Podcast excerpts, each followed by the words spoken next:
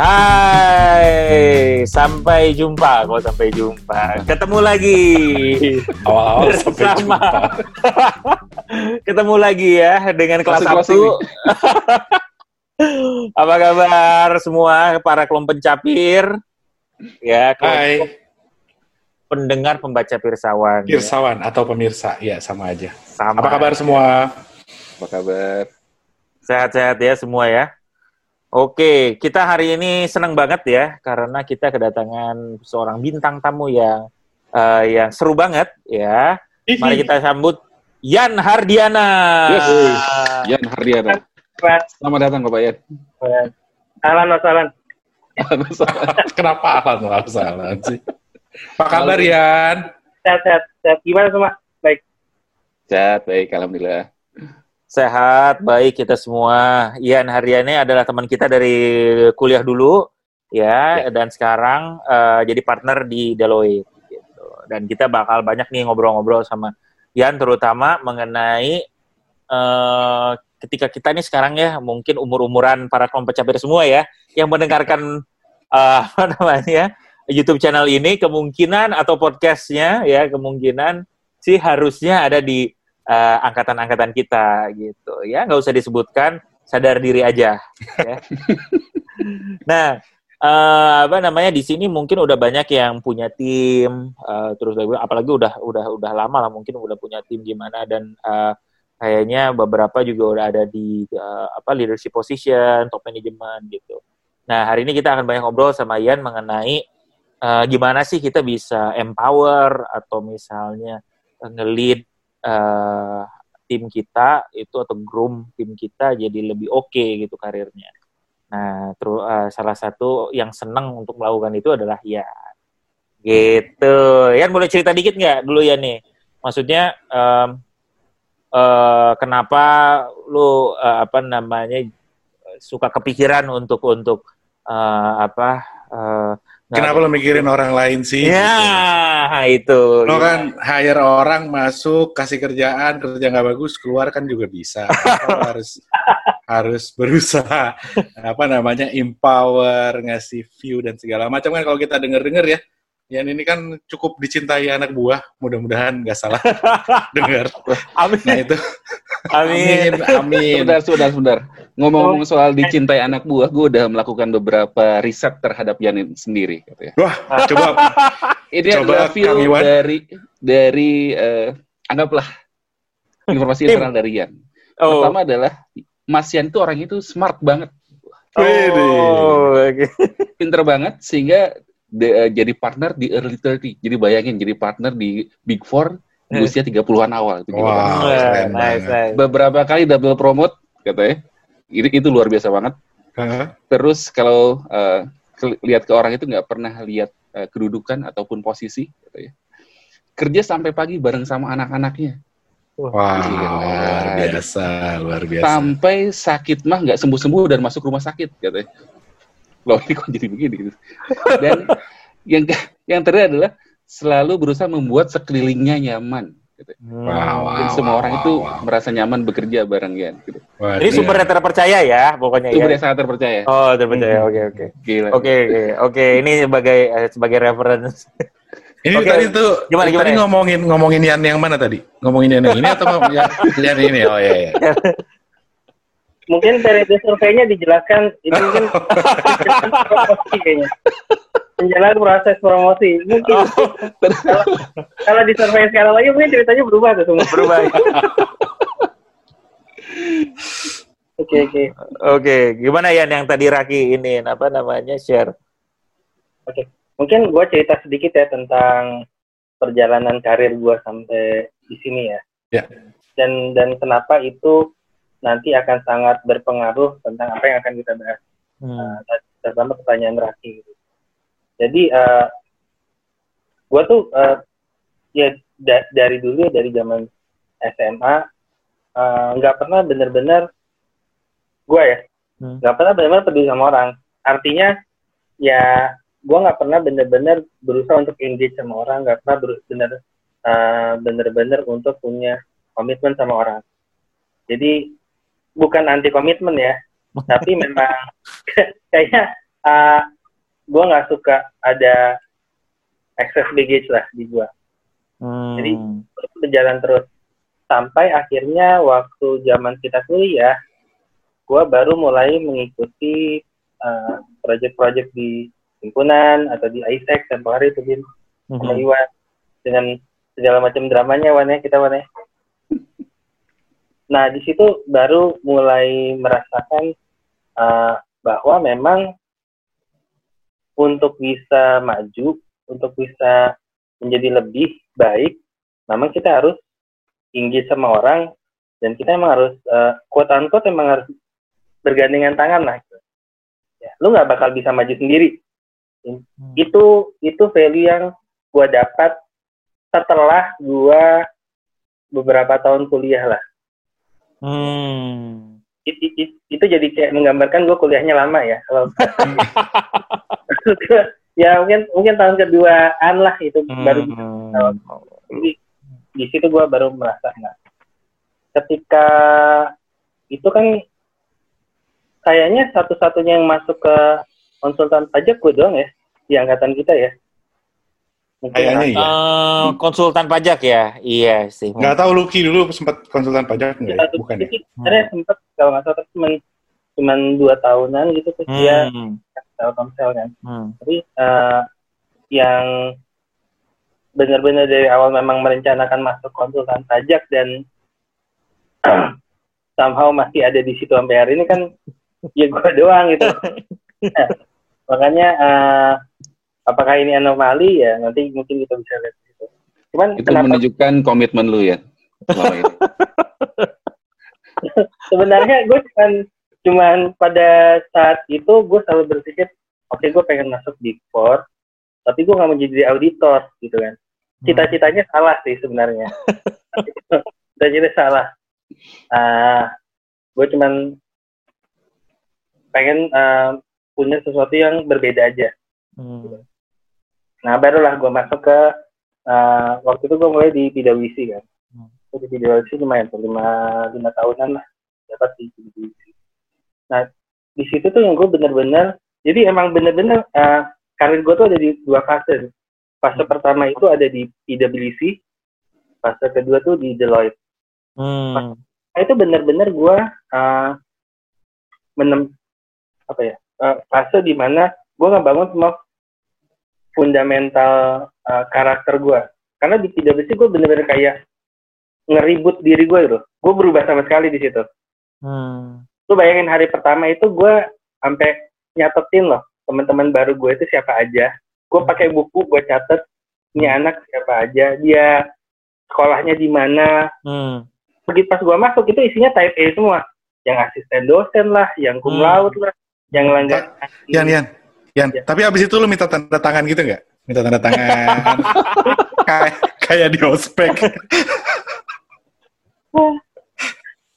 itu, itu itu yang itu yang terjadi kenapa karena begitu insecure-nya gua dan di ketika kuliah kan uh, gua ikut himpunan ikut ISEC gua punya punya support system di situ kan Hmm. punya teman seperti yang gue bilang tadi kan gua ada kalau gua bingung gua bisa nanya Ebin nanya Raki nanya Iwan gitu bisa kayak gitu Hmm. tapi begitu gue masuk ke sana gue masuk ke lingkungan baru gue putra daerah pula kan gitu. Cie, ternyata. Ada.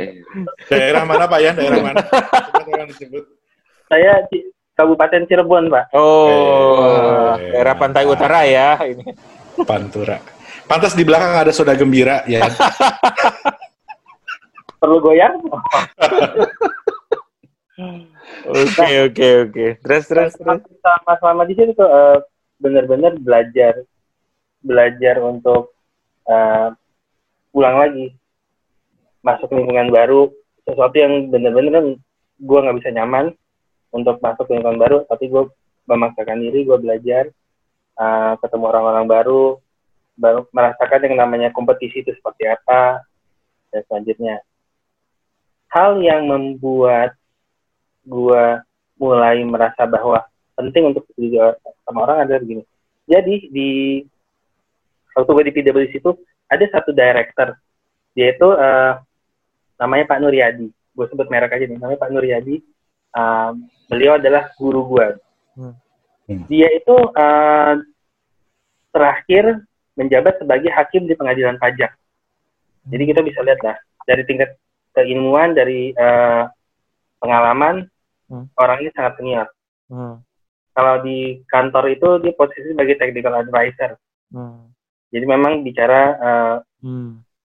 mengenai masalah-masalah spesifik teknikal. Jadi tidak deal sama klien tapi benar-benar masalah teknikalnya. Hmm. Yang menarik dari dia adalah selain orang seperti itu, posisi seperti itu dengan pengalaman seperti itu, dia mau meluangkan waktunya setiap hari Sabtu Mhm.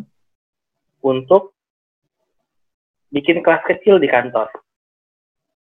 Hmm. Itu dia melakukan dengan berdasarkan inisiatif sendiri. Nggak ada yang Bukan company yang ini ya. dari kantor. No. Jadi ya dia aja. Dia bikin bahannya sendiri, dia ketik sendiri bahannya, dia share ke kita. Hari itu dia Sabtu tuh. Nah, yang datang ke kelas itu nggak banyak, paling cuma dua tiga orang. Hmm. Udah kayak gitu aja. Tapi dia melakukan itu dengan konsisten selama dia ada di situ. Hmm. Wow. Gila. Itu menarik kan? Iya. Lu bayangkan hari Sabtu lu, lu pakai untuk ke kantor ngajarin anak-anak yang sebenarnya nggak punya kewajiban juga untuk datang Hmm. gitu. Tapi Gua- jiwanya jiwanya dia kelas Sabtu banget itu ya. jiwanya dia tuh kelas Sabtu banget. Bener, bener, bener. Emang jago jualan ya temen lu ya. Iya iya iya. Ini kita lagi latihan semua sama ini. Ya, ini. Masuk masuk gitu iya. Nyampernya pas.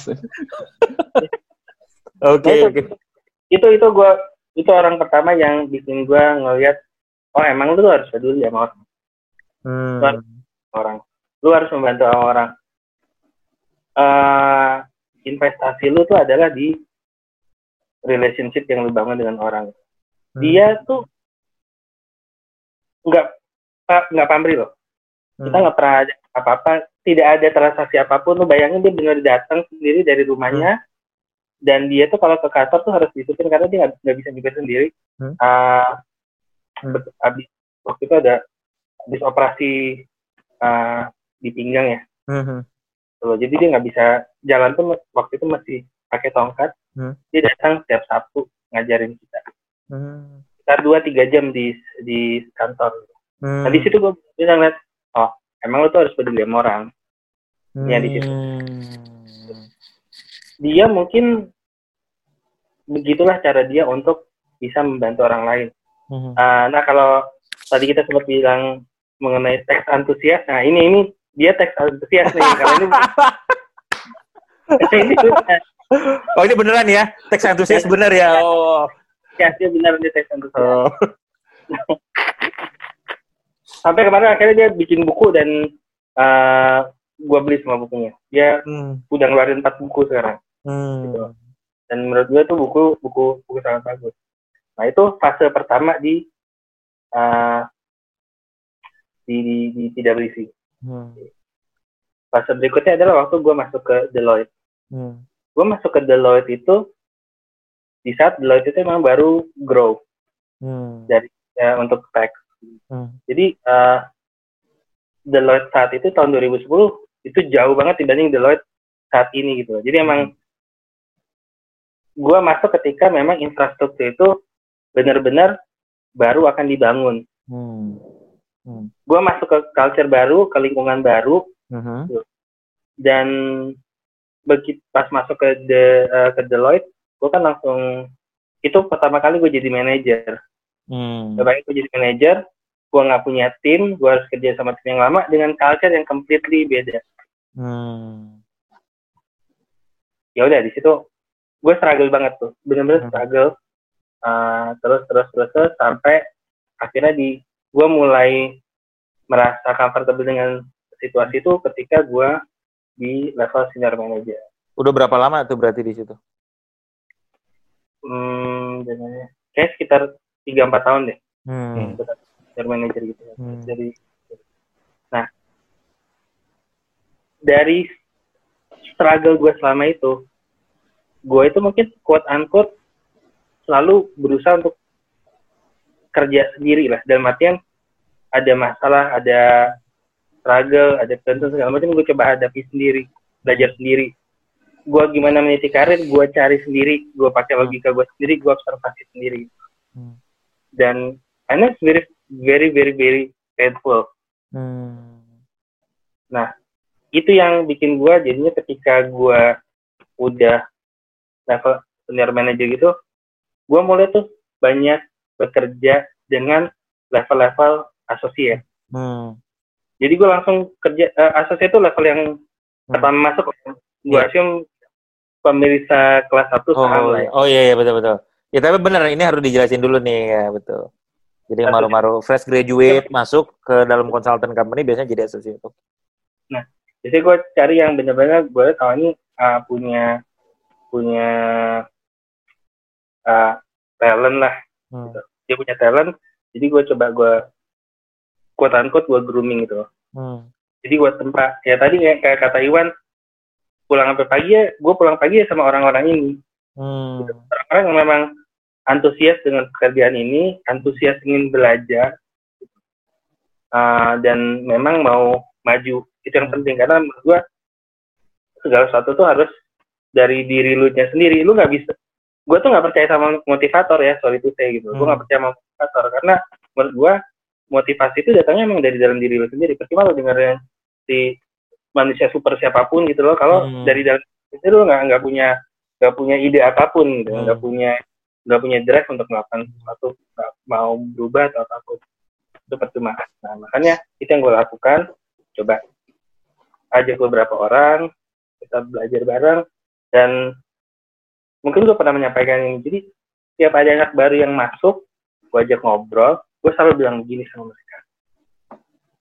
Pertama mengenai kesungguhan dia masuk ke tempat itu. Karena gue bilang, lu kerja di sini tuh kerjanya berat gitu. Hmm. Kalau lu nggak punya passion, lu cuma dapat capek doang. Hmm. Hanya lu masuk sini enam bulan pertama, lu kerja bersungguh-sungguh, lu pelajari semua dan di saat enam bulan itu, lu harus tahu apakah ini akan jadi passion lu atau tidak. Hmm. Jangan sampai lu membiarkan diri lu ada di dalam pekerjaan ini, dragging bertahun-tahun, di satu titik nanti lu akan ngerasa tiba-tiba lu bilang, gila ini bukan gua banget. Hmm. Menurut gua, itu tuh sesuatu yang nggak bisa gua terima gitu. Iya, Gua nggak iya. ngerti orang bisa ngomong itu setelah sekian lama ngomong ini bukan gua banget. Hmm. Nah lu ke mana aja gitu kan? Pokoknya kan lu Iya, ke mana? Makanya gue bilang kalau lu mau keluar lu harus tahu bahwa lu memang tidak memiliki minat di sini. Tapi jangan setelah empat tahun gue bilang. Hmm. Karena lu harus benar-benar ngabisin waktu enam bulan ini benar-benar belajar. Supaya waktu lu nggak lu sia-siain itu. Karena enam tahun empat tahun di sini tuh sama dengan delapan tahun di luar plus overtime kan kalau di Ya, ya. Hmm. Delapan tahun. Ini seperti di luar angkasa ya. Empat tahun di bumi, di Mars itu delapan tahun. Oke oke. Jadi jadi dari semuanya tuh yang gua kenapa gua tergerak adalah eh, karena gua melihat bahwa semua orang itu mungkin apalagi anak-anak sekarang anak sekarang kan pinter-pinter ya Hmm, hmm. Hmm. kan ini pengen itu segala macam jadi mereka tuh kalau menurut gua tuh kurang sabar gitu loh mereka lupa Hmm. kalau sukses itu ada prosesnya Hmm. cuman masalahnya dengan kebutuhan bisnis seperti sekarang di mana eh, target harus selalu dikejar orang tuh emang terlalu sibuk dengan target bisnis tapi lupa dengan manusianya gitu. Hmm.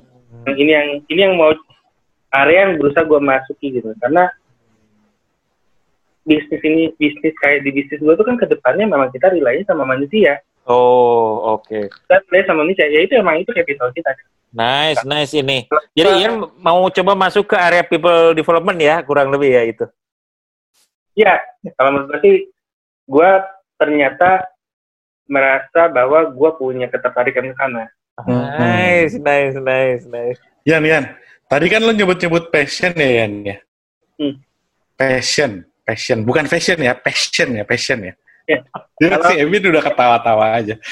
Menurut lo masalah passion ini tuh gimana ya? Kan lo juga, gue tahu, gue tahu karir lo nggak mudah. Maksudnya pada saat di mana kita eh, lagi kumpul-kumpul sama teman-teman, uh, lu tidak ada gitu karena lu sibuk di kantor gitu ya. Gue ingat banget waktu kita awal-awal mulai kerja. Iya, iya. Uh, semua orang lembur, tapi Ian pasti lebih lembur daripada kita Lembur semua kita. gitu. Padahal Itu ini semua begitu, auditor. Iya, semua kita lembur. Tapi Ian tuh pasti lebih pagi pulangnya daripada kita. iya, iya, iya. Kan selalu gitu ya di mindset kita waktu awal-awal. Jadi eh tadi lo ngomongin passion ke anak-anak baru gitu ya kan ke anggota tim lo yang tadi join. Nah tapi pandangan lo sendiri men- mengenai passion gimana? Karena dari dulu kan nggak tahu ya mungkin walaupun kita di zaman-zaman kuliah melihat berbagai buku apa namanya your job is your is not your career apa? Iya. Your Ya job itu is ya career. Iya. kejarlah passionmu yang gitu-gitu kan ada gitu ya during kita kuliah atau kita lulus kuliah zaman damn itu berapa belas tahun yang lalu ternyata udah Wih, masih juga mungkin kalau Berapa, berapa belas sih? Nah. berapa puluh? berapa puluh enggak ya? Udah berapa purnama itu? berapa berapa lah pokoknya. Nah cuman menurut gue nggak tahu kenapa eh, kata-kata itu juga udah menjadi apa terlalu banyak digunakan dan kadang-kadang juga jadi disalahgunakan gitu. Hmm. sama orang untuk ngerasa kalau lo nggak eh, nggak tahu ya sometimes gue ngelihat orang eh, dia nggak terlalu berusaha atau misalkan dia mencari alasan untuk eh, pindah ke dari satu tempat ke tempat lain menggunakan istilah passion gitu. Nah lo sendiri kan mengalami beratnya kehidupan ibu kota nih. Gitu. Apa menurut lo lo passion gitu memang? Lo antusias di dunia ini apa lo passion lo sehingga lo berhasil di sini atau karena lo punya hard work apa lo apa lo memang hard worker gitu sehingga lo berhasil di sini dan dan lo ngerasa oh gue bisa hidup di sini gitu menurut lo gimana ya Oke, itu itu uh, this a million dollar question sih sebenarnya. pastilah Masa cuma tuh million? Ya ya. eh, Dan gua melihat ini sebagai sesuatu yang hmm, udah gua lewati di fase pertama gua. Nah, di fase pertama tuh gua sering banget tuh.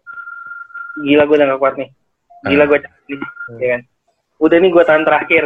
Hmm. Kalau gua next year udah cukup gua cari kerjaan lain lagi gitu. Hmm. Itu terus seperti seperti itu. Hmm.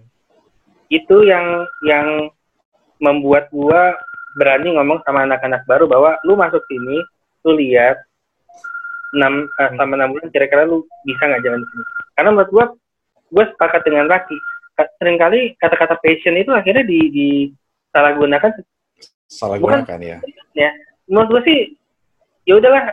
Eh, sesuatu yang gua bilang excuse doang gitu loh buat orang eh, eh, eh, to quit from their struggle Hmm.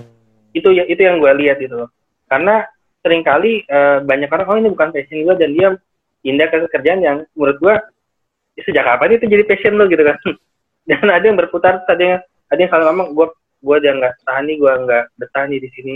Hmm. menurut gue kalau lu nggak suka sama satu kerjaan itu sesuatu yang wajar gitu. Hmm. ya kan? Itu sesuatu yang wajar. Bahwa eh, kemarin gue nonton sesuatu yang sesuatu yang keren tentang ngomongin. Jadi ada yang bilang gue pengen eh, be- pekerjaan yang membuat gue bahagia. Terus Hmm. teman bicara ngomong gini oh enggak enggak enggak semua orang dibayar untuk melakukan pekerjaan yang bikin mereka nggak bahagia. Nah uang yang mereka dapetin itu mereka pakai untuk membeli kebahagiaannya. Nah, ini the, The Accountant bukan? Bukan The Accountant ya filmnya ya? Filmnya bukan? Bukan The Accountant oke. Oke enggak gue memastikan aja karena gue belum pernah nonton The Accountant. Menurut gue itu menarik banget itu. Oh oke itu itu itu keren lah. Tapi menurut gue ya ya kita jangan eh, se, se, seburuk itu juga lah situasinya. Nah balik lagi tadi masalah passion itu. Men- kan tadi kita sempat bicara ada ada grit ya Hmm. ya kan? Yang yang bikin lu maju tuh terus ada grit itu karena gue kalau dibilang passion gue pekerjaan ini eh I don't know what it is gitu loh. Makanya waktu Ebin sempat bilang eh oh teks antusias eh kali aja gitu. Yang bener aja gitu. Gue gak se-freak itu kali gitu. Oh gitu. Karena kan ya kita nggak tahu ya karena karena kan tadi karena lu lu bilang juga apa? Oh ini nggak gua banget. Berarti walaupun bukan teks entusias, apakah ini lu banget juga gitu? ada beberapa hal dari dari karena gini lu kan nggak bisa mendapatkan uh, satu hal yang uh, perfect gitu kan Hmm. Lu nggak nggak akan pernah dapetin sesuatu yang perfect. Tapi lu kan bisa lihat hal-hal perfect dari hal yang lu miliki gitu. Hmm. Nah, kadang-kadang orang suka lupa itu. Orang cuma fokus ke hal-hal yang buruk-buruknya aja. Hmm. Kayak pulang pagi itu kan, itu emang hal buruk gitu. Tapi Hmm. di, di kerjaan ini yang yang bikin gue senang adalah eh di mana gue punya kesempatan buat mengeksplor eh, kemampuan eh, verbal komunikasi gue. Hmm. Somehow, menurut gue itu yang nggak akan gue bisa dapatkan kalau misalnya gue ambil eh, pekerjaan lain di Hmm. bidang di bidang kita ya. Hmm. Itu itu yang bikin gue senang. Makanya gue tuh senang bikin, gue senang ngobrol-ngobrol kayak gini. Hmm. Nah, balik lagi tadi ke ke anak-anak itu gue selalu bilang bahwa yang lu cari itu bukan lu bilang bahwa ini kerjanya ada passion gue, Hmm. tapi lu passionate-nya sih mengerjakan ini gitu.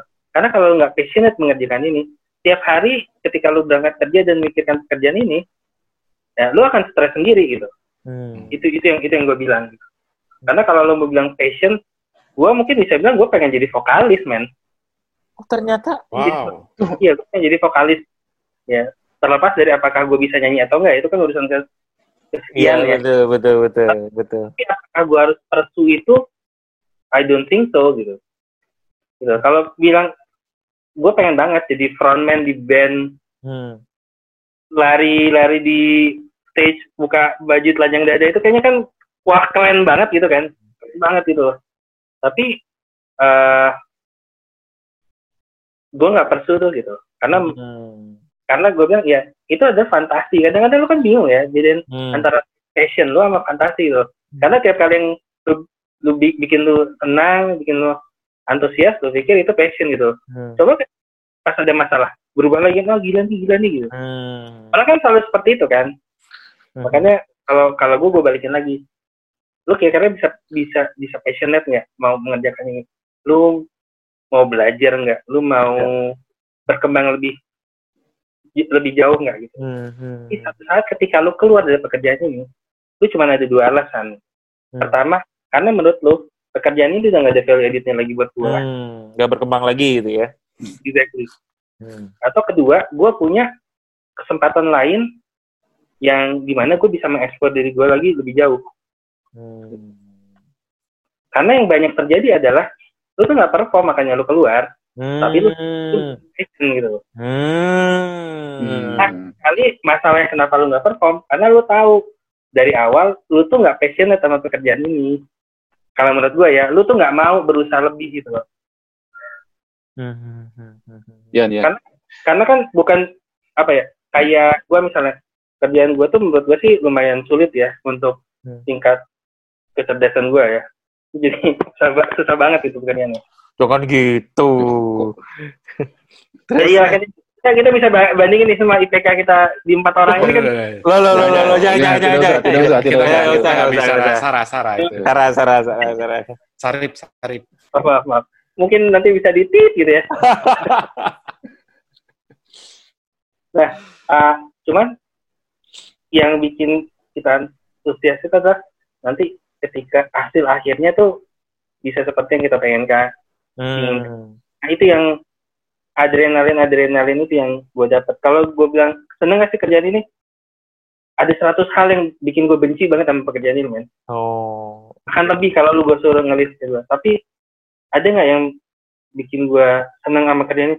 Banyak banget juga gitu loh. Hmm. Bilang ini passion banget, gue juga gak ngerti passion itu apa gitu. Hmm. Nah pasti dalam satu pekerjaan ada yang bikin lu gak suka juga. Hmm. Ada yang mungkin gak bisa hidup juga dalam pekerjaan itu.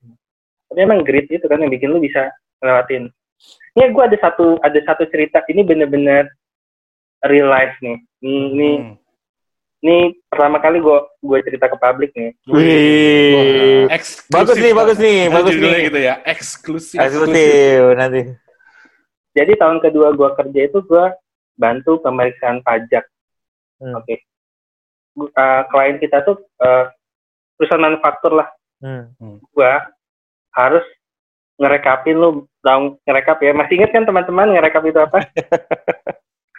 Dokumen-dokumen Hmm. yang terkait uh, situasi enam tahun sebelumnya. Hmm. Jadi umur dokumen udah enam tahun tuh. Hmm.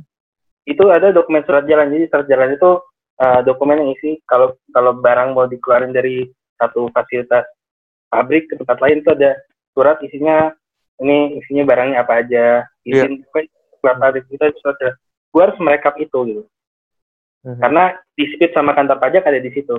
Nah gue tuh diskusi sama kan eh, waktu itu gue ke kantor pajak gue sendirian di situ dikelilingin sama bos-bosnya tim pemeriksa itulah Hmm. mereka nanya sama gue Yan ngapain sih kamu ngerjain kayak gini Hmm. emang digaji berapa sih sama kantor gitu Hmm. waktu itu kan gue asosiat ya baru masuk ya gue nggak mau nyebut gaji lah Hmm. Gengsi ya? iya malu iya Eh, itu tahun iya tahun tahun pertama tahun kedua lah gitu Eh, terus dia nanya, iya ngapain sih kamu kayak gini Hmm. Nah, gue bilang sama dia bu eh, saya tuh pengen buktiin ke eh, teman-teman saya yang dulu ada gue ada satu kelompok temennya Hmm. yang bilang kalau gue itu nggak bisa komit untuk sesuatu ingat ya tadi obrolan gue tentang komitmen Iya, iya, betul betul. Hmm. Oh, oh, teman lu pada menyadari itu ya. Mereka mempoint out itu ya ke lu ya. saya itu nggak bisa sama sesuatu. Karena saya pengen buktiin kalau saya bisa Hmm. mungkin sekitar 6-7 tahun kemudian gue ketemu sama orang yang sama di pengadilan pajak Hmm. Ian nanya Ian kamu di mana di sini bu kamu masih kerja itu masih bu berarti kamu pegang ya kata-kata kamu waktu itu Wih. Wis, luar Nice. biasa. Nice, nice, nice, nice. itu ini gue baru baru cerita di di publik kali ini Hmm. jadi itu ya eh, terus, eh, hal-hal yang eh, mungkin berusaha gue pass on ke anak-anak yang baru join Deloitte itu Hmm. gue cerita sama mereka lu jangan ngelihat gue sekarang Hmm. lu harus tahu ada perjalanannya loh Hmm. dan kalau lu emang nggak fit in sama pekerjaan ini ya masalah kok bukan salah lu Hmm. bukan salah siapa gitu cuma Hmm. mungkin uh, lu tempatnya di tempat yang lain tapi Iya. sambil tapi kalau lu mau berpikir tentang itu lu lakukan in your very early stage of your career Hmm. Ya, ya. jangan lu Jangan belum habisin waktu gitu ya. Hmm. jangan lu waktu. karena gue sekarang banyak nih ketemu sama teman-teman SMA misalnya gitu. Iya. keren lu ya udah kayak gini-gini Hmm. terus habis gue begini-begini aja gue ngomong lu tuh ngomong lu begitu begitu aja tuh dari 10 tahun yang lalu kok ngerti ya yang gue ya Eh, Udah, Ini mentality ya, mentality ini. Iya. gitu. jadi jadi uh, kenapa gue tergerak untuk ngomong ini karena gue tuh nggak pernah bener-bener punya orang yang ngebantu gue nemenin gue Hmm. ngebimbing gue mentorin gue Hmm. di uh, awal-awal karir gue gitu Hmm. karena menurut gue sebenarnya anak-anak sekarang itu perlu yang begituan karena tuh bayangin deh mereka tuh ada di dunia yang semuanya serba instan Hmm. Ya, ya. serba instan mereka pengen sesuatu kayak nonton gini deh oh ini ada serial yang bagus Hmm. gue langsung nonton satu season atau sampai tamat gue bisa selesai dalam dua hari gitu Hmm. dulu kita mana bisa kayak gitu kan Ya. semua kita tungguin kan Iya, iya.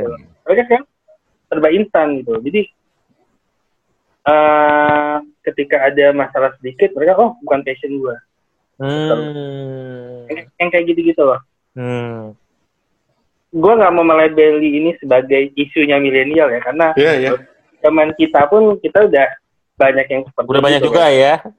Ya, Zaman kita kolonial. juga udah mulai kita. mulai banyak yang instan juga zaman kita kan. Hmm. Maksudnya sudah mulai ada Iya, apa iya. namanya apa, banyak kemudahan lah di zaman Hmm. kita. Hmm. Tadi Iwan mau uh, Iwan tadi mau nanya apa, Wan? Apa? Oh, enggak. Selama Yan ngomong, gue kayak melihat ada inkonsistensi apa yang dari Yan sebutkan sih. Pertama, Yan bilang dia tidak suka motivator. Tapi yang terjadi adalah Yan sendiri menjadi motivator. Apa-apaan ini? Terus kedua, bilang bukan sebagai seorang teks entusias gitu ya. Emang, emang itu uh, uh, ilmunya kalau lu udah diamond 3. Diamond tiga. Aduh. ya, kedua Kartu merah. ya, ya. Aduh. Tetangga gue MLM soalnya jadi MLM. agak dua kaki lu mesti seimbang nanti sebenarnya. ya sampai Iya. kencang nanti. Oke, eh, kedua lu nggak disebut sebagai seorang tech enthusiast, tapi permasalahannya market menganggap sebagai highly regarded tech controversy leader. Ya maksud gue, eh, walaupun lu bilang, lu, lu itu gue lihat begitu humble, nggak mau dibilang sebagai tech enthusiast, tapi sebagai dari sisi knowledge, dari sisi pengakuan dari, dari ya dari pasar sendiri ng- ngakuin bahwa lu adalah seorang tax expert gitu. Eh, tapi mungkin ini balik lagi ke masalah passion yang lu bilang itu.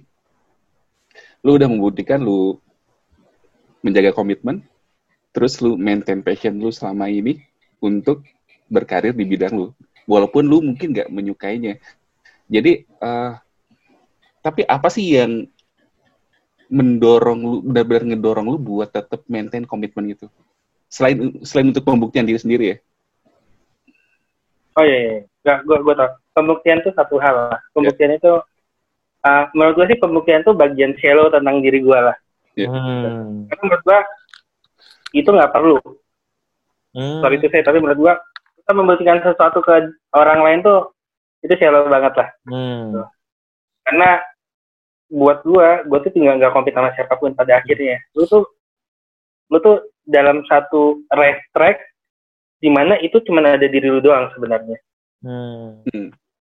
itu ya itu itu itu itu adalah gua gitu Hmm. gua mikirnya sebenarnya seperti itu makanya eh kan ada shift lah eh, Hmm. dari cara kita berpikir di awal gitu nah, di awal gua wah sibuk ingat nggak cerita tadi waktu gua masuk Hmm. gua nyatet Iya. kiri siapa itu karena rasa insecure Hmm. pelan-pelan makin berjalan makin berjalan gue belajar bahwa lu harus peduli sama orang lu ngajak gandengan sama orang biar kita bisa maju bareng-bareng Hmm. mirip MLM gitu deh jadi Iya iya Jadi, iya jadi- iya iya. Perubahan di situ. Nah, ketika di situ gue baru mulai tuh melihat sebagai ya tuh pada akhirnya gue ada di track gue sendiri, Hmm. Hmm. ada di track gue. Jadi gue nggak nggak peduli deh misalnya, wah kayak lu kan kayak lu kan jadi partner duluan kan? Dari siapa? Yeay, JJ Raki. Ini nggak nggak. Jadi jangan jadi bahas gua bahas aja. Gue udah bilang tadi hati-hati loh, semua buat ntar. Cuman poin gue kan, ya kalau gue jadiin lu sebagai uh, target gue, apa saingan gue, buat apa? Berhubungan juga enggak, bisnis saya beda segala macam. Pada akhirnya kan, kalau gue belajar tuh, you are driving your own bus. Hmm. Gitu. Ka- Karir lu hidup lu tuh ya itu itu bus lu, lu yang nyetir sendiri gitu. Hmm. Ya, lu mau ke kanan, mau ke kiri, mau berhenti, mau parkir dulu, mau ngebut lambat itu lu gitu loh. Lu masa ngeliat kanan kiri lu seperti apa, mereka mau nyetir seperti apa, ya kalian di jalur masing-masing gitu. Hmm. Itu membuat gua lebih mudah sih ketika gue di fase kedua itu Hmm. untuk bisa lebih excel. Karena di fase kedua itulah mindset gue mulai berubah gitu. Hmm. Dan di fase dua kedua itulah karir gue sama Iwan itu karena gue mulai gue mulai melihat bahwa kita harus bareng-bareng kita share Hmm. semuanya kita punya visi yang sama gitu loh. Bahwa kalau gue bisa lebih cepat ya itu karena emang gue berusaha dan gue dibantu tim di bawah gue gitu.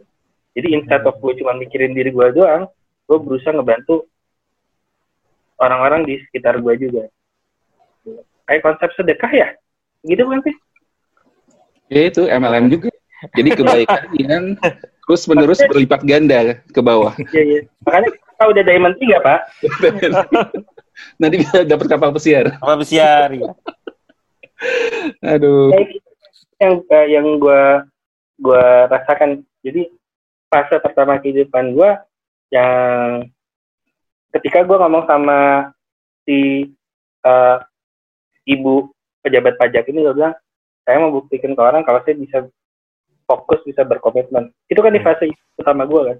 Hmm. Tapi pas berikutnya ketika gue udah sampai situ, gue bilang ya itu habis gitu harusnya gue nggak pernah berpikir itu sama Hmm. bahwa bukan berarti gue nggak peduli apa yang orang pikirkan gitu ya tapi dalam konteks ini kenapa gue harus ngeributin apa yang orang pikirkan karena apa pun yang mereka pikirkan itu nggak akan berhubungan langsung sama gue yang gue lakukan terhadap diri gue yang berpengaruh Hmm. Super sekali. Tuh kan apa gue bilang. Super dua kali. Lu iya, Super banyak berkali-kali. memberikan pencerahan nih selama ini. Luar biasa ya nih. Luar biasa. Yan, kalau gue boleh tahu ya, eh, atau mungkin it is up to you juga. Cuman gue agak tertarik aja sih mungkin untuk eh, teman-teman dan pencapir yang mendengar. Em, seperti apa sih misalnya rasa insecuritiesnya gitu ketika ketika sebelumnya gitu sehingga karena lu cepat menyebutnya beberapa kali dan itu cukup eh, kayaknya mempengaruhi aja lah dari dari kehidupan lu. itu uh, terus terang di awal-awal karir gue tuh sangat sih Din. Hmm.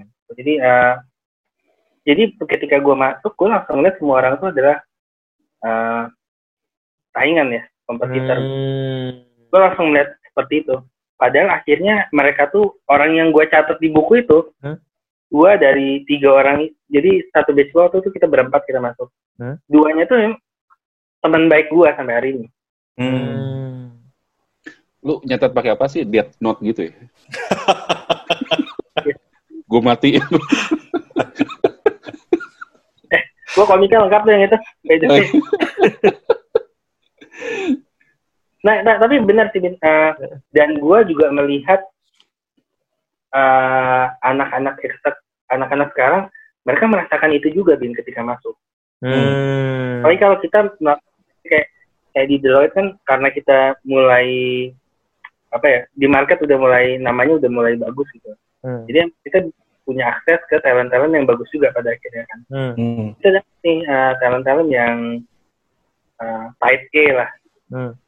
Talent-talent type A ini bener-bener yang apa ya pengen pengen mereka sangat pintar. Gua harus akui mereka pintar-pintar gitu. Hmm. uh, ada ada yang ada yang datang bisa jadi salah satu uh, cara uh, proses rekrutmen kita tuh ada namanya uh, uh, FGD fokus uh, eh, Group discussion.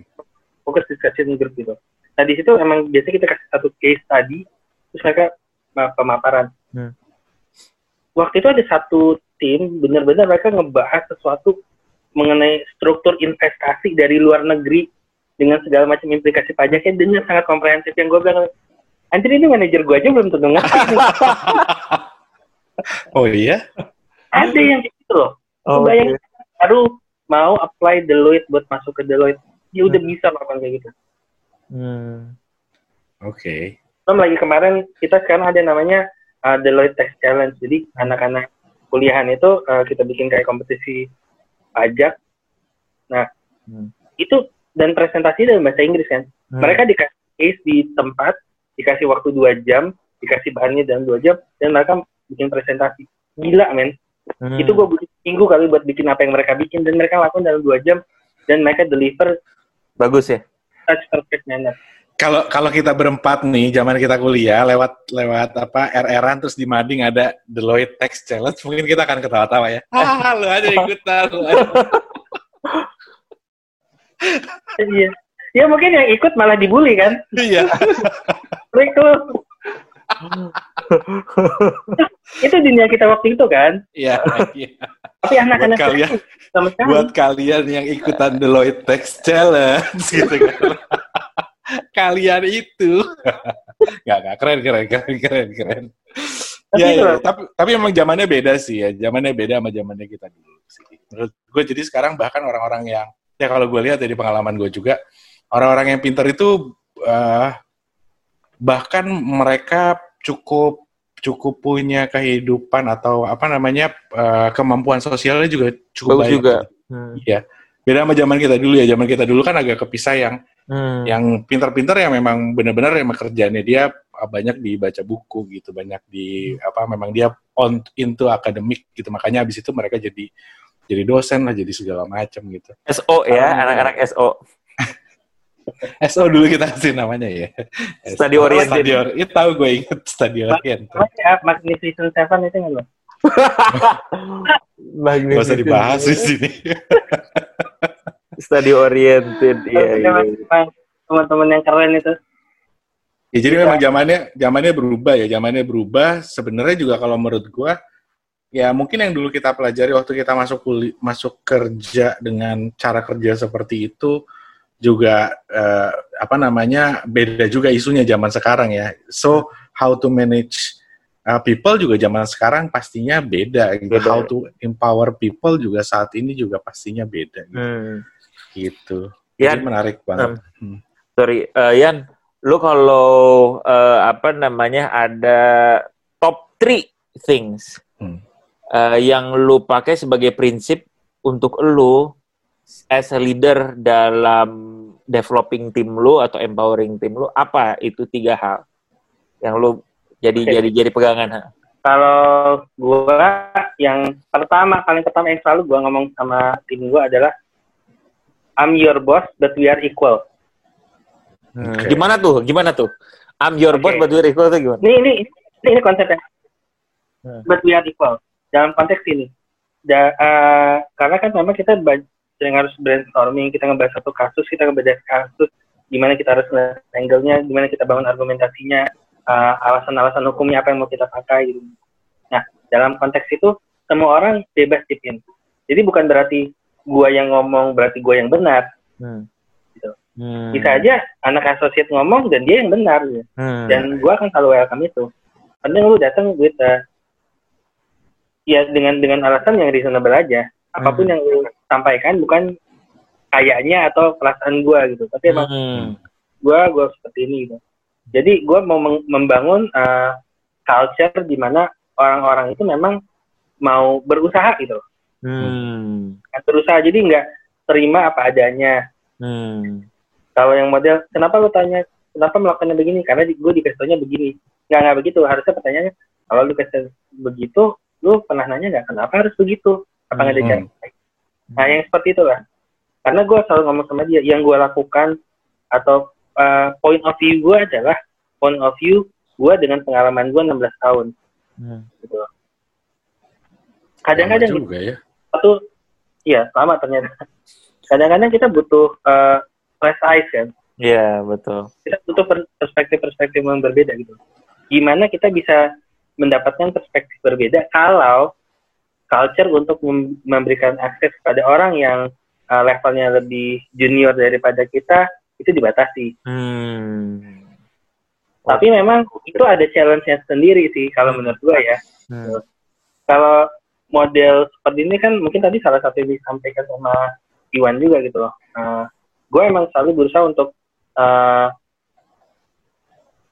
apa ya mem- mem- mem- meminimkan uh, gap sosial Hmm. artinya Hmm. gap sosial karena posisi gue karena umur gue karena sosial karena, atau karena apa pun gitu Hmm. nah tujuan gue adalah untuk uh, untuk menciptakan lingkungan kerja di mana semua orang bisa lebih nyaman untuk berpendapat Hmm. agar uh, kreativitas itu bisa timbul ya kan Hmm. kalau orang ngerasa lebih nyaman lebih bebas dia akan bisa berpikir lebih leluasa gitu kan Hmm.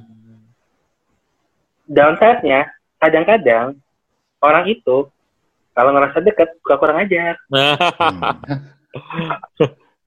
oh, se- seperti ngelunjak ya, misalnya gitu ya. ya kayak gitu itu kadang-kadang orang tuh nggak nggak tahu bedanya nggak tahu gimana ngebatasinnya Hmm. Nah itu emang emang emang challenge. Jadi eh, buat gua yang lebih tua ya ya gua menganggap ini sebagai pilihan lah, pilihan gua gitu. Ya, ya. Hmm. Mau ngambil mau ngambil eh, angle yang mana, mau ngambil cara seperti apa gitu. Karena menurut gua kalau selalu gua menempatkan semua ada apa yang gua katakan itu adalah rulesnya, Hmm. Menurut gua kita nggak akan ada yang bisa maju. Hmm. Ya tidak akan belajar dan guanya juga tidak akan berkembang. Hmm.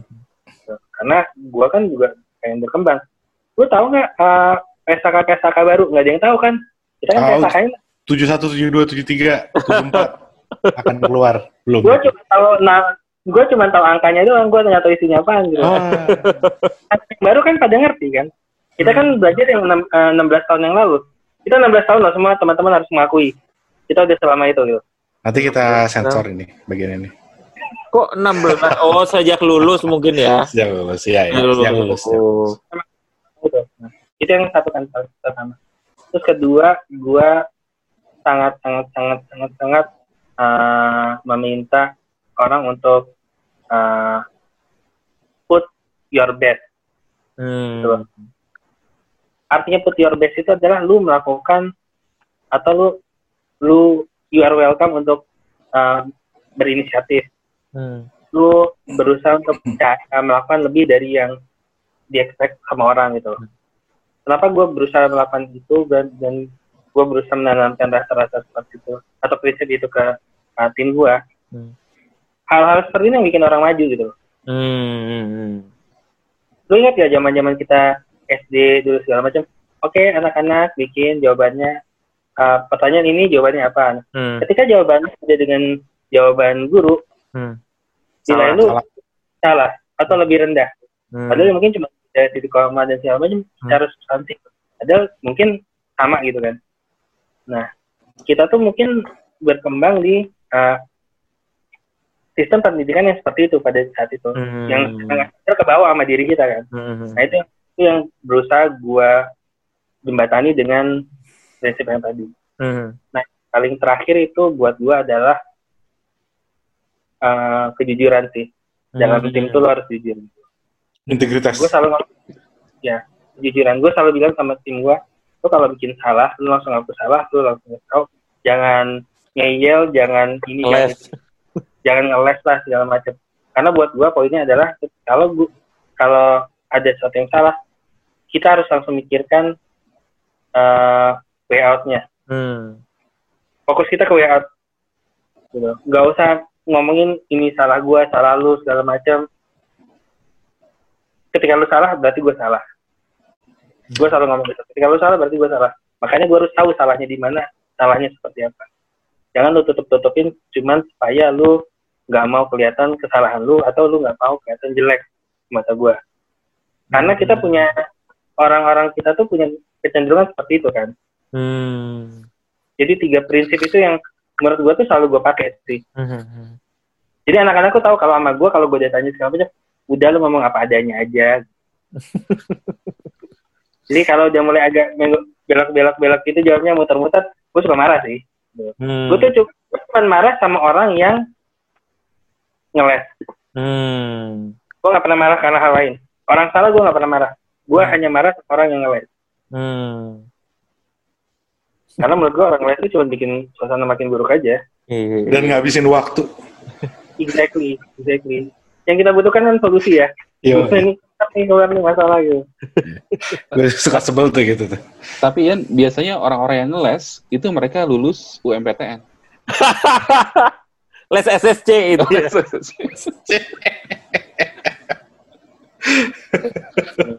Tapi sekarang ada ruang guru loh Aduh. Kalau kalau menurut gue sih Yan itu prinsip uh, there is no I in the team, but there is Ea in the team. Loh, eh itu apa? Eh, Ya, Ea itu ya, jadi gitu. harus bisa menerima apa adanya sih sebenarnya. Jika ada salah ya di di embrace aja gitu. Bener Hmm. daripada pusing-pusing ya yang paling lebih penting nyari apa? ny- nyari way out, nyari solve problem solving. Hmm. karena karena gue ngelihat anak-anak yang sekarang itu ini balik lagi ya eh, karena kan kita memang konteks pembicaranya tadi banyak mengenai anak-anak Hmm. karena kita cara cara ya di umur kita udah wajar lah kita ngomongin how to pass on our experience to this uh, younger generation lah Hmm. karena gue lihat kata mereka tuh eh, apalagi yang eh, dari type A ini ya mereka tuh biasa untuk sempurna gitu Hmm. Ya. don't know how to deal with failure Hmm. Gitu. deal uh, with mistake. Nah, yang yang hal seperti ini kadang-kadang buat gua agak agak sulit sih uh, ngadepinnya. Hmm. Karena karena sekarang gak, kagak bisa lu marah-marahin gitu. Lu marahin dia resign gitu kan. Ini nggak nggak lucu kan. Ya, Iya, iya, betul, betul, betul, betul. Nah, kalau dilihat dari sisi leadernya ya, ya nih, dengan melakukan ini kan karena mungkin lu kan melewati journey lah ya untuk lu melihat ada ada leaders yang oke okay apa segala macam terus udah gitu lu merasakan sendiri for others if you can say gitu ya sebenarnya what's in it for the leader sih untuk bisa empower ini gitu jadi mungkin mereka juga belum terbuka atau mereka nggak terlalu merasa gitu tapi what's in it for the leader dengan lu mengempower your team atau lu lu dalam banyak hal tuh seperti do good things lah dan dan dan dan helping them to grow gitu uh, ini, sorry ini pertanyaannya berarti or, orang ini others tuh maksudnya siapa sih? Others itu other leaders.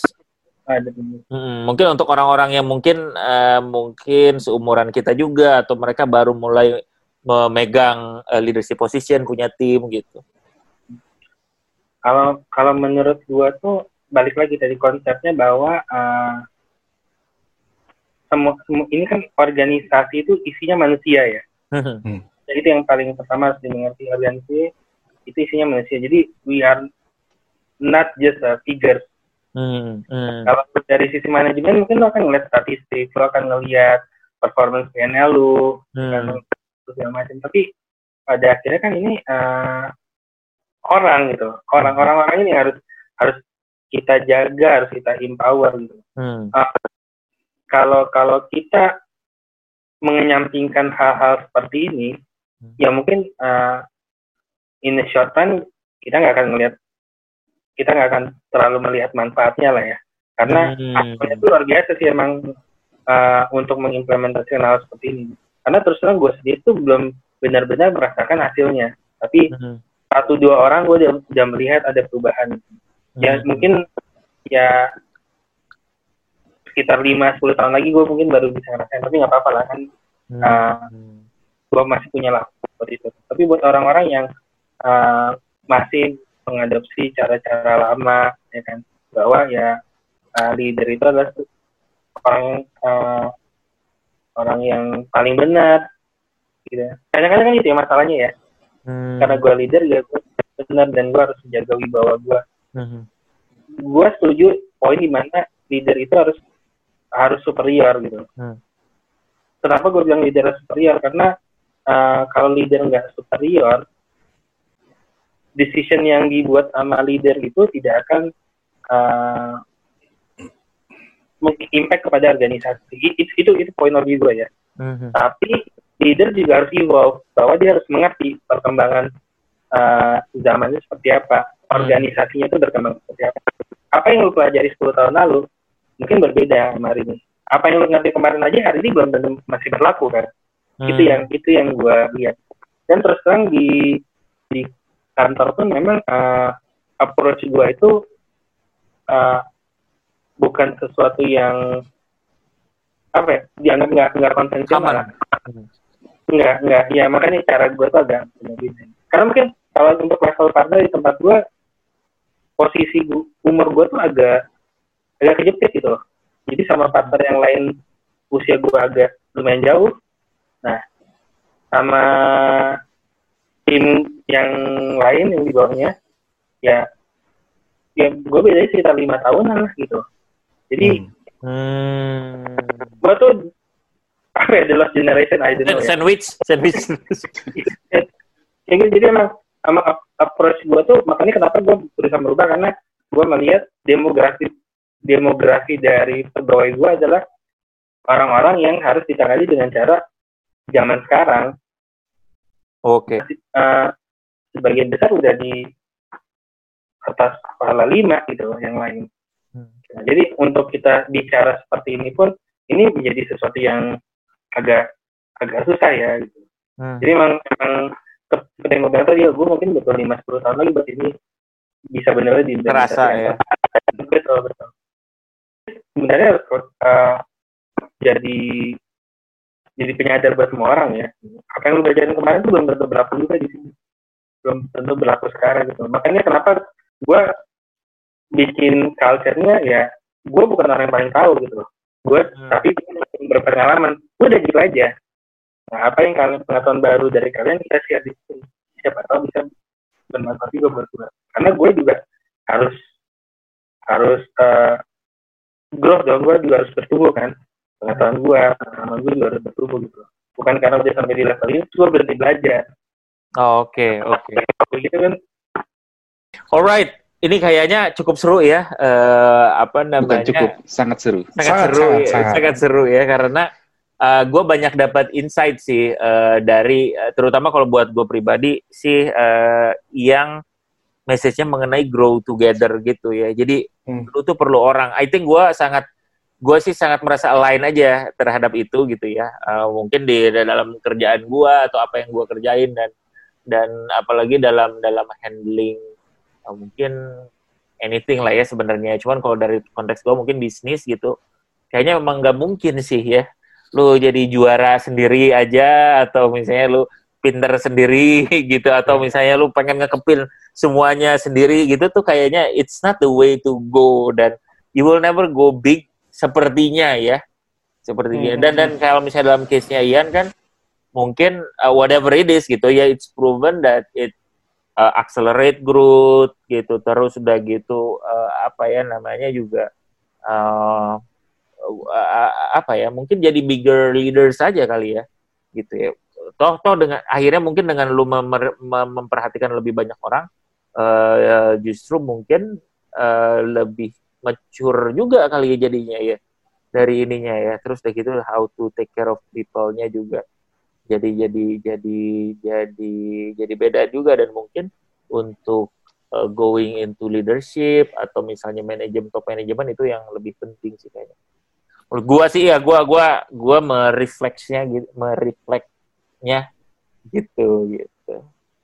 Mungkin Iya, Rani gimana? gue kemarin juga belajar soal bicara leadership style itu salah satunya gue lupa kalau nggak salah istilahnya transformational leaders. Oh, oke. Eh, nah, itu menurut gue yang yang memang dia juga ngebantu ngerubah mindset, ngerubah apa Hmm. tadi grow together tadi lah gitu. Hmm. Nah itu menurut gue keren banget gitu ya. Emang zaman sekarang tuh eh, inilah apa namanya banyak ya orang yang apa eh, tipe-tipe leader yang seperti itu sekarang ini. Yan makasih banyak ya Yan. Thanks Yan so much. selalu memberikan inspirasi buat kita semua. Semoga makin sukses Yan, semakin semangat mengejar passionnya. menjadi vokalis, maksud gue Oh, menjadi ya, vokalis. Yan, ya. Tahu nggak lo? Gue juga dari kemarin ngomong gitu sama orang. Apa yang belum pernah lo lakukan, lo cobain lakuin. Hmm. Gak apa-apa, lo cobain aja nyanyi jadi vokal. Apa apa lo Hmm. nyanyi di mana? Cobain lah sekarang. Itu juga di luar dari pekerjaan ya. Ini of course di luar Iya. dari pekerjaan lo yang udah Iya. jalan. Tapi lo harus cobain juga kan, harus ngerasain juga. Lo bisa Iya. sampai titik mana sih gitu. Ini juga ya Ki ya. Ini merupakan salah satu kita Iya. coba juga ya. iya, ini juga kan gue menabrak berbagai tembok sebenarnya for the sake of mencoba ya. Iya. gitu. Oke oke. Oke, kalau gitu eh, terima kasih banyak sekali lagi Yan eh, atas sharingnya, waktunya juga ya, eh, dan insight-nya semua. Eh, mudah-mudahan kita bisa bertemu lagi di episode lain. ya. Amin. Alright, kalau gitu all the best semuanya. Makasih banyak sekali lagi Yan. See you. Thank you. Makasih. Ya. Bye.